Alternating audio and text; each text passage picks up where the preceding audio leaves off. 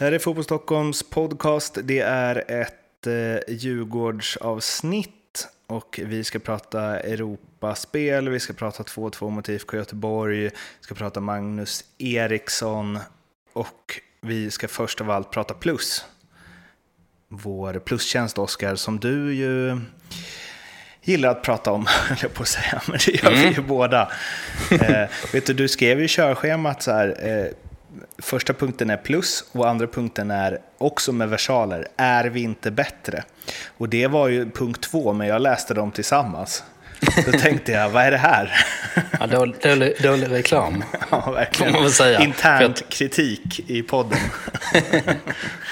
ja, nej, vi är ju bättre. Eh, ja, jag tycker vi håller en ganska bra nivå på plus. Mm. Och, eh, vi kommer i det till längre I det här avsnittet kommer vi prata en hel del om eh, Europa. Vi kommer lägga tyngden där och eh, då kommer vi referera till vår kollega Lennart Hedstigens senaste genomgång av eh, vilka, vilka lag som Djurgården kan möta i Europa League-kvalet. Mm. Jävligt intressant genomgång med tanke på vilka, vilka skillnader det är på de olika alternativen. Men det är i alla fall plusmaterial som återkommer och bara Lennarts genomgångar som är fullständigt unika är värt 25 spänn i månaden tycker jag. Verkligen. Jag blir ju, han får mig intresserad av lag jag inte visste fanns. Exakt, det är verkligen hans grej. Och, eh, jag vet inte om vi nämnde det i något avsnitt tidigare, men MFF-supportrarna har ju fastnat för Lennart i många år. Och han har ju en jävla massa folk som eh, läser allt han skriver. Eh, och MFF har ju varit eh, med i ganska många eh, tävlingar nu sedan 2014 och gått ganska långt eh, också. Så eh, då har ju Lennart passat väl in där. Men jag tror att han, han kommer, hans namn kommer att växa i Stockholm också, vad det lider. Så ge plus en chans, om inte annat för, för Lennarts eh, Europagenomgångar. Som vi ju ska fokusera en del på nu, men först så ska vi titta tillbaka lite på eh, det här Europaspelet genom åren. För det är ju inte bara Djurgården som har haft det kämpigt tidigt i Europakval. Eh, Malmö hade ju några härliga år där eh, för MFF-supportrar med eh, Champions League ett par gånger om. Men sen dess då så har vi ju 2016 Norrköping åkte ut direkt mot Rosenborg. Det var egentligen inget snack i de matcherna. 2017 MFF ut direkt mot Vardar, vilket jag kommer ihåg var en Ja, eh, besvikelse och eh, ja, man hade väl liksom vant sig vid att MFF grejade sånt där. Året efter eh, så åkte MFF ut i andra matchen mot Vidi, men det blev ju senare, sedermera Europa League-grupp eh, efter att de slog ut Midtjylland. Eh, 19 så har vi AIK i andra omgången mot Maribor, då du var väldigt kritisk, kommer jag ihåg när vi poddade om det med all rätt att de liksom slarvade bort det, det de hade satsat mot. Och sen så nu Djurgården då under ett speciellt år där det bara är enkelmöte eh, åkte mot eh, Ferencvaros med 2-0. Och det var ju heller inget snack egentligen, även om det var inte tal om någon total överkörning eller så, men det var en skillnad eh, mellan lagen ändå. Och eh, Eh, en svag insats av Djurgården. Ja, jag blir så jävla besviken på det här. Ehm, jag vill ju, eh, jag hejar ju på alla svenska lag i Europa. Jag tillhör ju den kategorin. Mm. Och det du läste upp nu, man, ja fan vad besviken man blir på att det är så jävla dåliga insatser eh, efter MFFs matcher. För de, de lagen man pratar om, liksom, det är ju det är inga bra lag någon, något av det här egentligen. Alltså med liksom någon slags Europaskala. Alltså Rosenborg som Norrköping åkte eh, emot, de framstod ju liksom, de framstod som omöjliga då. Och då är det liksom Norge vi pratar om och sen Vardan, Makedonien, Vidi, liten klubb från Ungern, Maribor, alltså Slovenien. Eh, och sen Ferencvaros nu. Det är ju en, eh, det är en klassisk gammal klubb, minst sagt. De har ju större resurser än vad till exempel Djurgården har, men det är ju inget det är inget fantastiskt lag man möter och framförallt sättet man åker ut på gör ju en, eh, gör en jävligt besviken. Alltså vi pratade om det, att vi trodde att Djurgården hade en ganska bra chans den här gången och att laget borde passa eh, den typen av uppgift, även om det var en, en tuff lottning att få i, i första omgång. Men eh, det var ju inget snack. Det var ju... Eh, ja, det var ju ingenting som talade för att Djurgården skulle lösa det eh, från matchstart, egentligen. Vet du vad, eh, det här som du har som rubrik i det här, är vi inte bättre? Det är så jag tänker när jag läser upp de här, är vi inte bättre än så här? Och så tänker jag också, jo men självklart är svenska lag bättre än så här. Men det kan ju inte alltid vara ett, liksom, vad säger man, ett, en, eh, ett väggupp i dagsverket. Liksom. Utan det måste ju vara att, eh, svaret måste vara nej, vi är inte bättre än så här. Och då tänker jag genast på om, om Vardar och Vidi och Maribor och så, när de får MFF och AIK, om de känner bara yes, fan vad gött. Svenskt, de som är bäst i Sverige, det här borde vi slå. Det måste ju vara så. Bara för att vi inte känner till en enda spelare i deras lag på förhand, så det är väl exakt likadant tvärtom. Ja, hade det funnits en Lennart Hedstigen i Ungern eller i, eh, i Slovenien, vilket, vilket inte finns. Gör, eller? Nej, det finns en holländsk kille som kan räkna ut sådana här saker också, ah, okay. om jag förstått saken rätt. Annars är det bara Lennart ah. som fattar, fattar hur, Eh, Lennart har ju programmerat egna modeller för att förstå Uefas rankingsystem. Eh, men om, de hade, om, om Lennart i Ungern hade suttit och tittat på det här så slutsatsen måste ju vara det. Alltså om man går tillbaks och ser på hur det har gått. Sen är ju Malmö FF det stora undantaget. För att eh, nu, har, nu renodlar vi Champions League här och MFF har ju ja, gått vidare från eh, två gruppspel i Europa League. Vilket är ju väldigt bra gjort. Men ja, sen är ju underlaget jävligt litet såklart. Men, eh, och, och jag tänker visst fan ska vi vara bättre än så här liksom. Alltså, ska ju inte åka ut mot lag från Makedonien och eh, Slovenien på det där sättet liksom när det är de svenska mästarna. Och, eller åka till Budapest och eh, bli, vara chanslösa mer eller mindre mot eh, Ferencvaros. För att Alltså, ja, alltså om, man, om man tittar på Ferencvaros, då har de, de har de ju Frank Boli och Tokmak Nguyen, eller ja, om man uttalar det. Nguyen.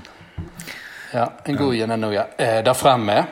Och eh, de såg jättebra ut liksom och, och då kan folk tänka, ja men det här är liksom en annan nivå ändå liksom. Eh, ett hack upp i hierarkin. Men de här spelarna känner jag väl till. Jag följer ju norska fotbollen och båda de kommer ju från elitserien nu på senare år. Eh, Frank Boli gjorde en bra säsong i Stabäck där han gjorde en massa mål och eh, var ju en av ligans stjärnor där sista året åtminstone. Eh, Torkmack som spelar i Strömsgodset var ju väl också ganska bra i ligan men honom såg jag häromåret och Ehm, när, när de förlorar mot eh, mitt norska lag IK Start och förlorar man mot eh, IK Start då, då, kan, då, då är det något som inte står rätt till, höll jag på säga. Då fick dessutom Tokman rött kort i en sån match. Ehm, så visst, de var ju på uppgång och eh, liksom allmänt och, och eh, bra spelare i ligan, men det är liksom inte, det är verkligen inte den här andra nivån. Alltså om de möter Erik Berg så känns det ju som att han, hans status är ju eh, minst lika hög. Så Ja, för det där ja, kom, kom funderad över det där, liksom, inställningen hur man går in till Europa, att, att man eh, liksom inte, inte klarar den typen av utmaning. För det, nej exakt, och det är det som blev MFFs styrka där i Champions League-åren och även i Europa Leagues gruppspel när de tog sig vidare från det. Typ deras hemmaplan, att den blev lite så här mytomspunnen är väl att ta i, men Eh, jag menar att lag, okej okay, det är tufft att spela där. De har slagit Celtic där, de har slagit eh, Red Bull där, de har eh, slagit eh, ja, men både Shakhtar och Olympiakos där. Alltså att det, de hade ändå med sig det in och spelarna hade med sig det, tror jag, som fan.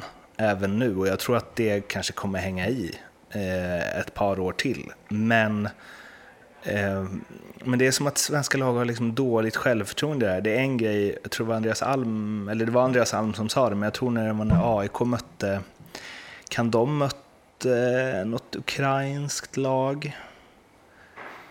Ja, de mötte Dnipro i Europa League-gruppen. Och då hade ju de någon brasse någon 20-årig brasse som liksom de hade köpt för 100 miljoner.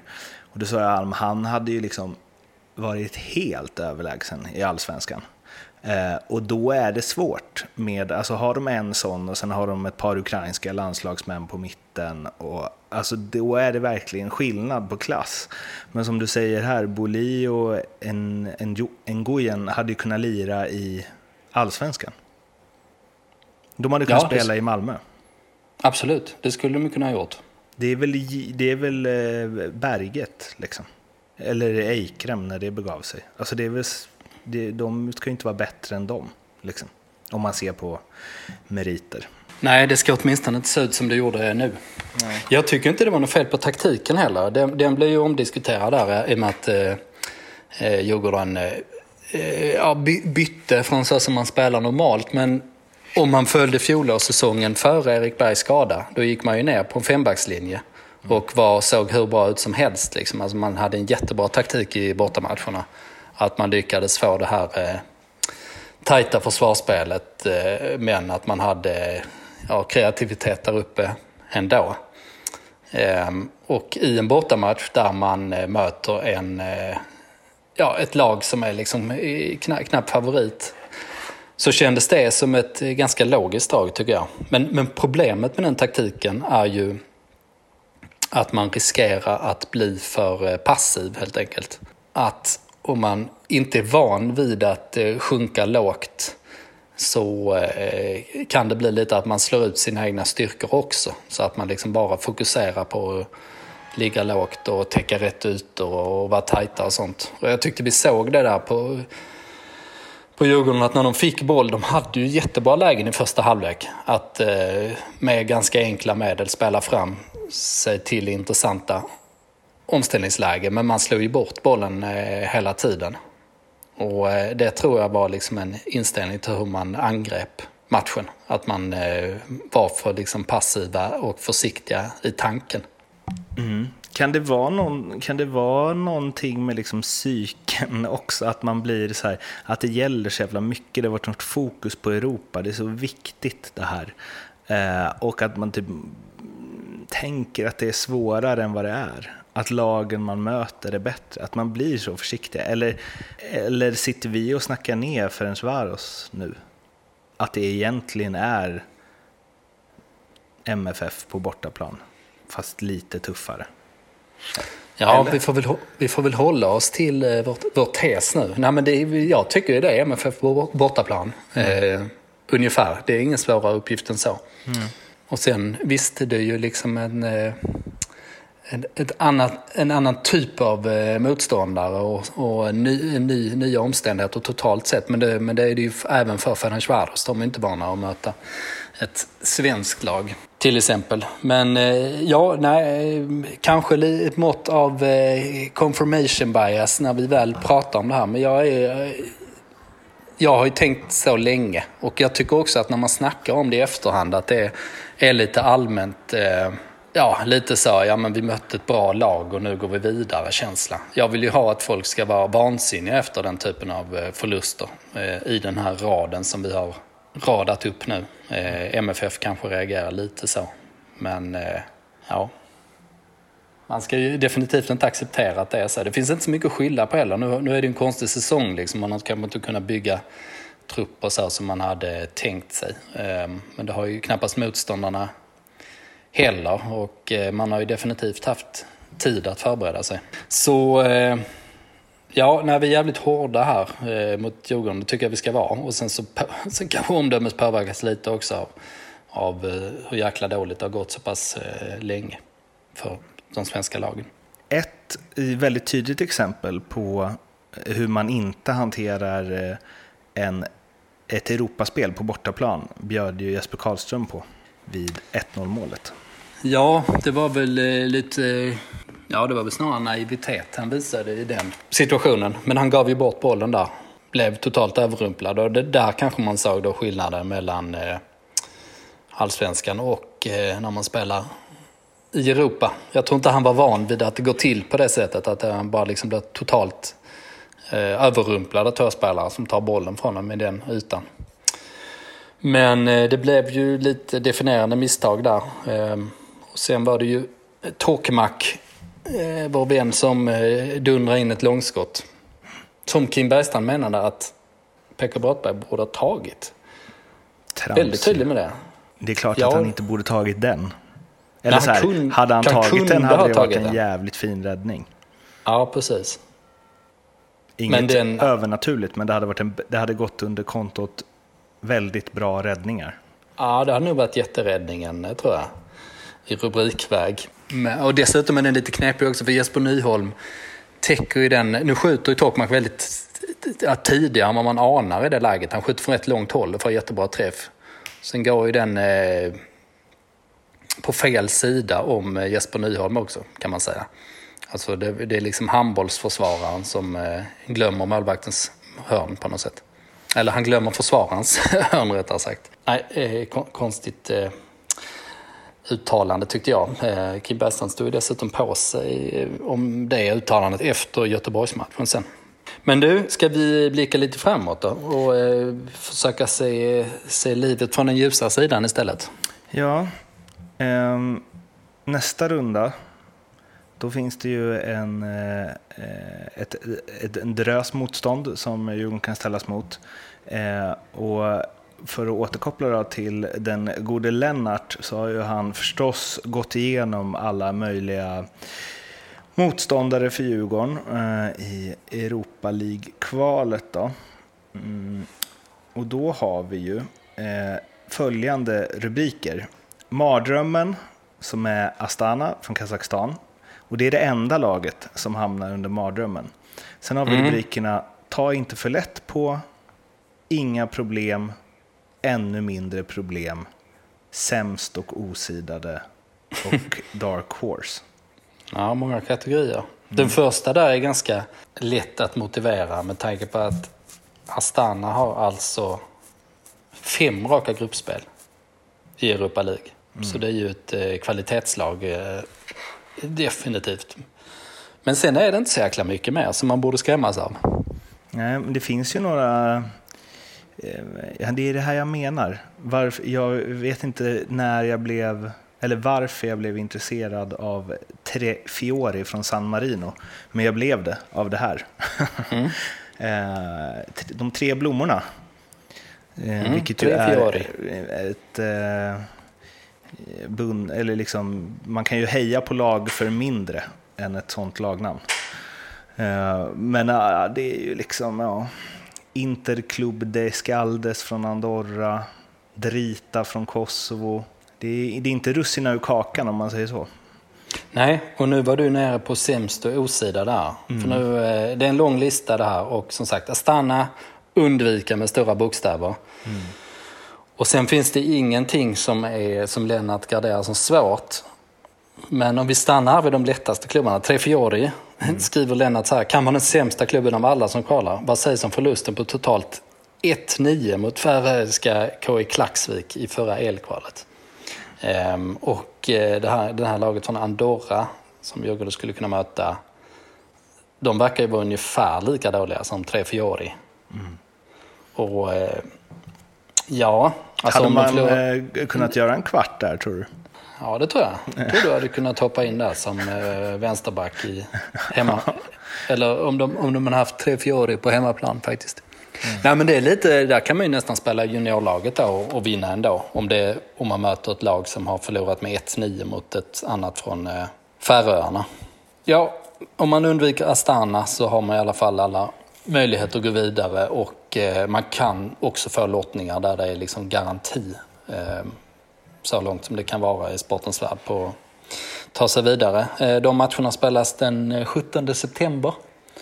Och det är väl bara att hoppas att man får hemmamatch eh, Med tanke på att ja, supportrarna inte- ens får åka på bortamöten.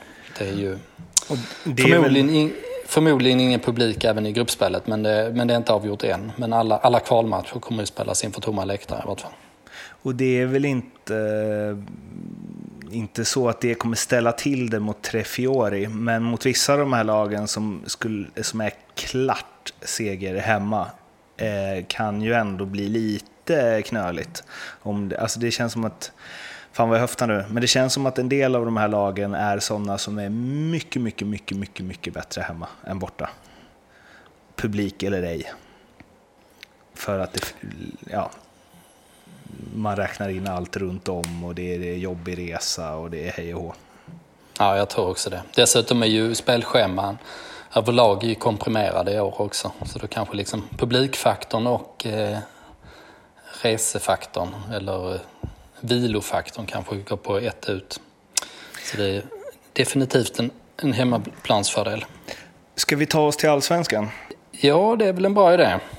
IFK Göteborg 2-2 och eh, jag tror väl att eh, Blåvitt var ganska nöjda med den matchen. Eh, det lät väl lite så efteråt i alla fall från Pontus Wernblom. Välkommen tillbaka får man ju säga till honom. Det var en rolig grej på Twitter tycker jag, att alla lagsupportrar verkade tycka att det var kul att Pontus Wernblom är tillbaka i Blåvitt.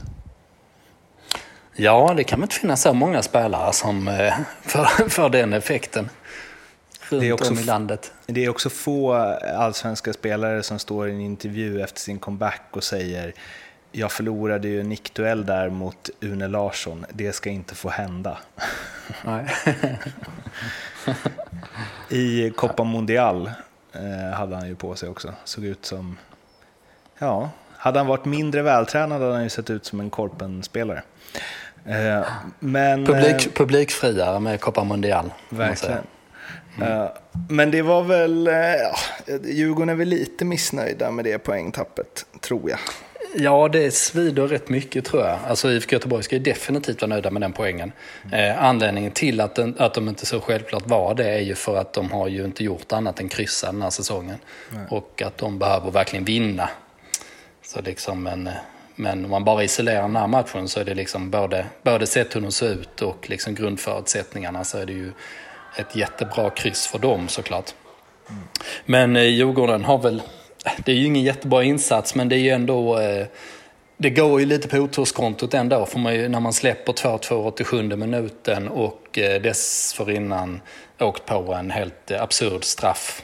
Då, då måste man ju landa där någonstans. Då är inte Kim Bergstrand på bra humör. Nej, ehm, Det är han inte skitofta i och för sig, men framförallt Nej, inte då. Nej, det, det blev tjafs med Poja igen. Och det är väl liksom, ja vad de tjafsar om är rätt irrelevant får man säga. Det var ju bara liksom en, eh, en tjurig Kim Bergstrand eh, och en eh, tjurig Poja det handlar om. Liksom. Och de har ju dessutom tjafs, tjafsat förut. Men nej, den, den är jobbig och den här säsongen, allting talar ju för att det blir ett race här mellan klubbarna som slåss om plats två och tre i första hand, men kanske, även- kanske även fjärdeplatsen. Det är liksom det säsongen handlar om. Det, det är ju ingenting som tyder på att om man gillar spänning eh, och dramatik så var ju fjolåret var ju liksom perfekt regisserat där på alla sätt med de här storklubbarna som slogs in i sista omgången med de här höga poängantalet. Men det här ser mer ut som att detta blir en, en 2017-säsong där Malmö gör det de ska och eh, alla andra misslyckas i stort sett. Mm. För att eh, nu börjar ju avståndet bli ganska stort. Djurgården har liksom åtta poäng upp till MFF och eh, så pass mycket sämre målskillnad att man nästan kan räkna det som nio. Och det är liksom, ja, det finns ju ingenting, ingenting som tyder på att, att Djurgården plötsligt skulle börja rusa i kapp eller att Malmö skulle börja klappa igenom. En spelare som har spelat i båda de lagen tidigare och jag också gillar att tjafsa då, om man ska vara inne på Kim Bergstrand. Eh, linjen är ju Mange Eriksson som är tillbaka i Djurgården, skrev kontrakt till 2023, va? om jag inte är snett på det. Eh, ska enligt Fotboll Direkt kostat en mille. Eh, San Jose Earth, Earthquakes ville ha eh, fyra, ish. Bosse fick ner det till en. Och de sålde honom för 12 någonting. Så det var ju en eh, fin affär och man vet ju vad man får av honom. Eh, och eh, det kan ju bli en hel del poäng också. Det är inte garanti på samma sätt, men man vet ju att man får en habil, väldigt bra allsvensk fotbollsspelare. Ja, nej, det, ja, det är en jättebra övning. Definitivt. Det finns liksom ingen skadeproblematik eller något sånt där heller som skulle kunna röra till det känns det som. Och Mang har ju varit hemma på Kaknäs eh, när han varit ledig och eh, det har varit uppenbart vilken klubb han vill spela i. Så att motivationen borde vara på topp.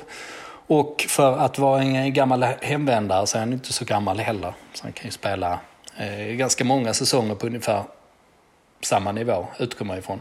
Och jag gillar ju inte hemvändare generellt sett. Eh, jag tycker man ska vara jävligt försiktig med det eh, eftersom det kostar nästan alltid mer än det smakar. Men har man Bosse vid rodret så eh, vet man nästan alltid att det blir smarta affärer. För att i liksom när money management-kategorin så är ju Bosse en mästare. Det är inget snack på det. Alltså det han, han är extremt bra på att sälja dyrt och köpa billigt. Det är inget snack om saken. Och om man köper Mange för en miljon när han har kontrakt så är det klart att det är bra. Alltså för att Mange har ju till och med varit lagkapten där borta i det laget och har efter en lite tveksam start eh, varit deras, en av deras nyckelspelare. Och han kommer ju av allt att döma gå rätt in i startelvan. Det blir väl eh, Jonathan Ring som får, eh,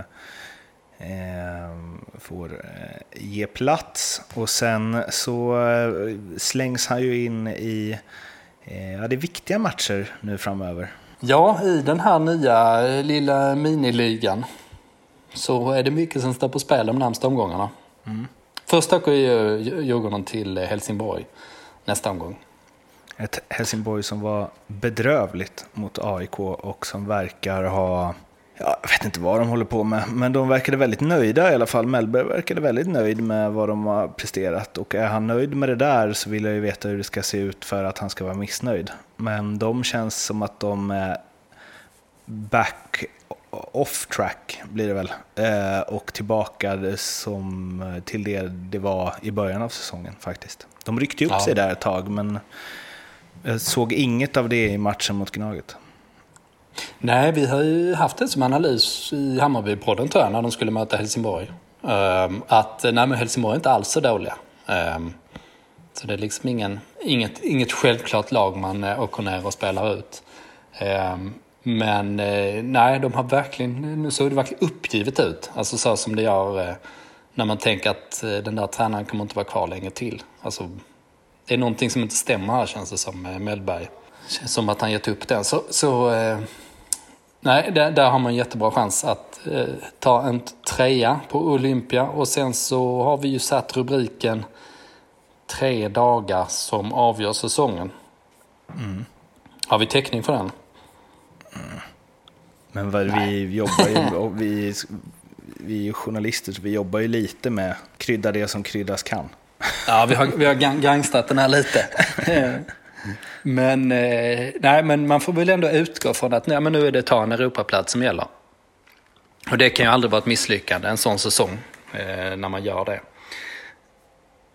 Och då är ju två av lagen som man slåss direkt mot är ju Häcken och Elfsborg. De har man alltså den 10 och 12 september. Häcken borta, Elfsborg hemma. Så när vi räknar ihop den här tabellen i ja, december, absurt nog, eh, kval, kvalet där ner till superettan är väl i, i runt Lucia någonting. Eh, men då kan det nog mycket väl visa sig att de här två matcherna, resultaten där avgör om, om Djurgården tar en Europaplats eller inte. Spännande framöver alltså. Det blev ju ett... Um Ja, vi hann liksom gå igenom de senaste fem årens Europaspel och Djurgårdens Europaspel, Djurgårdens allsvenska spel och blicka framåt. Det får vi mm. vara nöjda med på en halvtimme. Ja, men tycker jag. Nästa vecka kör vi kör vi de kommande fem årens Europaspel. Nej, men mm. eh, vi, det är också det att vi, bara gnäll, att vi bara gnällde på hur dåliga svenska lag eh, är i Europa. Vi, eh, någon gång i framtiden kanske vi kommer med en analys av vad de bör göra istället. Vem vet? Vi får se. ja, vi får se. Vi lovar inte för mycket. Plus... Nej, Lättare, bara, lättare att gnälla bara. Ja, verkligen. Eh, plus eh, vill vi påminna om igen, in och eh, signa upp och ge det en chans. 25 spänn i månaden, ingen bindningstid, så blir vi superglada. Och eh, ja, men eh, en bra, bra första plusartikel är väl eh, Lennarts genomgång där av potentiella eh, motståndare för Djurgården i nästa runda av Europa. Vi hörs igen nästa vecka. Tills dess, må gott. Hej då! Hej då!